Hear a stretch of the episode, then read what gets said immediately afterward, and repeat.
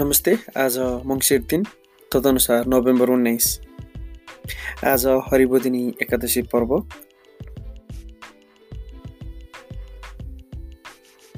पोखरा महानगरपालिकामा न्यायिक समितिले गति लिँदै पोखरामा सिप्रदीका अटो प्राविधिकहरूलाई तालिम आदर्श मौसममा उठले दर्शक तान्दै र वसन्त रोबिना फाउन्डेसनद्वारा विद्यालयलाई आर्थिक सहयोग।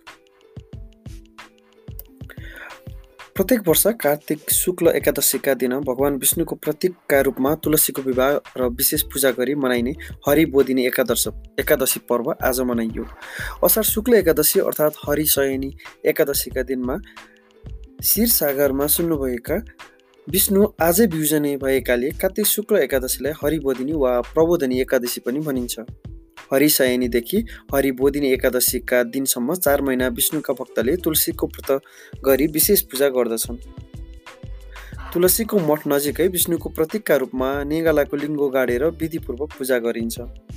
तुलसीको पात डाँठ वा फुलको रस रुगाखोकी र औलो लगायतका रोगका लागि औषधि हुन्छ भन्ने पनि भनाइ छ आजको दिन काठमाडौँका काठमाडौँका उपत्यका काठमाडौँ उपत्यका चार उपत्यकाका चार नारायण भक्तपुरको चागु नारायण काठमाडौँका शेष नारायण इचिङ्गु नारायण विशङ्ख नारायण स्थानमा विशेष मेला लाग्दछ। यहाँ जान नसक्नेहरूले काठमाडौँको उत्तरमा रहेको बुढा नीलकण्ठ नारायण स्थानको दर्शन चा गर्दा चार नारायणको दर्शन र पूजा गरे बराबरको फल पाइने विश्वास गरिन्छ।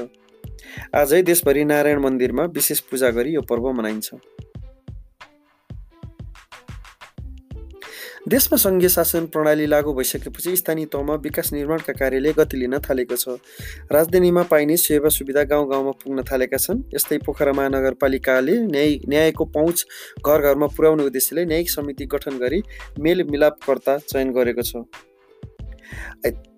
आइतबार महानगरको सभाहरूमा मेल मिलापकर्तालाई एक दिने अभिमुखीकरण तालिम दिएको छ। कार्यक्रममा उच्च अदालत पोखराका मुख्य न्यायाधीश कुमार चौडालले वर्षक अदालत जान नपर्ने स्थिति सृजना गर्नुपर्ने बताए।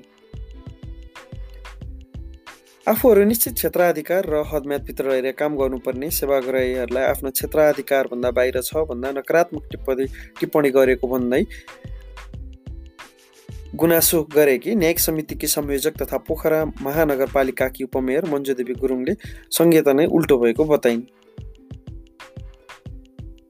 न्याय घरमा पुग्न नसके संहिताको के अर्थ भयो? सकभर समस्या स्थानीय तहमै मिलाउन सके समाजमा दिगो शान्ति र स्थापना हुने उनको भनाइ थियो। समितिले अठासीजना मेलमिलापकर्ताको चयन गरेको छ।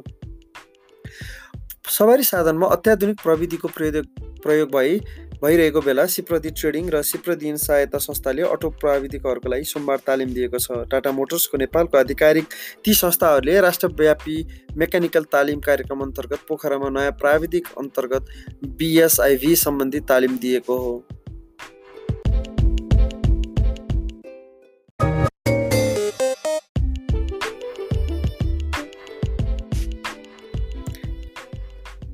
लेखनाथको भण्डाडिकमा सञ्चालित प्रथम आदर्श मौसममा राखिएको उठले दर्शक तान्न सफल भएको छ। निर जहिले रिसाउने भन्ने गीतमा डान्स गर्ने उठको प्रदर्शनीले मौसममा आउने दर्शकको मन जित्न सफल भएको हो। गीतमा डान्स गर्ने उठले कुकुर र सिंहको जस्तै एक्टिङ जस्तो एक्टिङसँगै दर्शकसँग हात मिलाउने र दर्शकलाई चुम्बन गर्ने कलाले महोत्सवमा आउने दर्शकको मन जित्न सफल भएको महोत्सव संयोजक किसान गुरुङले जानकारी दिए। मौसममा विशेष गरी जाडो मौसमका सामग्री र सुन्तला किन्नेहरूको समेत भिड लागेको छ।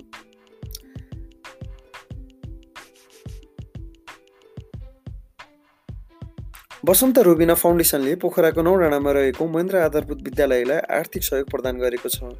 विद्यालयमा आइतबार आयोजना गरिएको एक कार्यक्रमका बीच फाउन्डेसनका संरक्षक वसन्त थकाली अध्यक्ष कृष्ण प्रसाद सुवेदी र कोषाध्यक्ष सुरेन्द्र श्रेष्ठ लगायतले फाउन्डेसनको तर्फबाट नगद दस हजार एक सय पाँच रुपियाँ आर्थिक सहयोग प्रदान गरेको हो।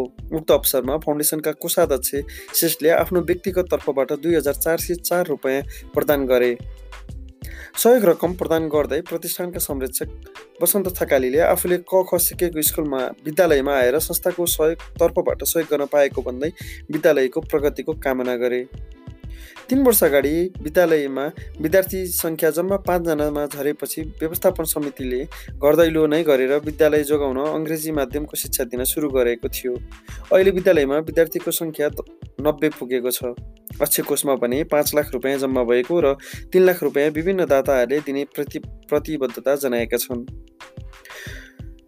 विद्यालयमा चारजना शिक्षकको कोटा छ भने तिनजना निजी स्रोतबाट राखिएको छ। वसन्त रुबिना फाउन्डेसनले यसअघि पनि विभिन्न विद्यालयमा यसरी नै आर्थिक तथा विभिन्न सहयोग गर्दै आएको छ।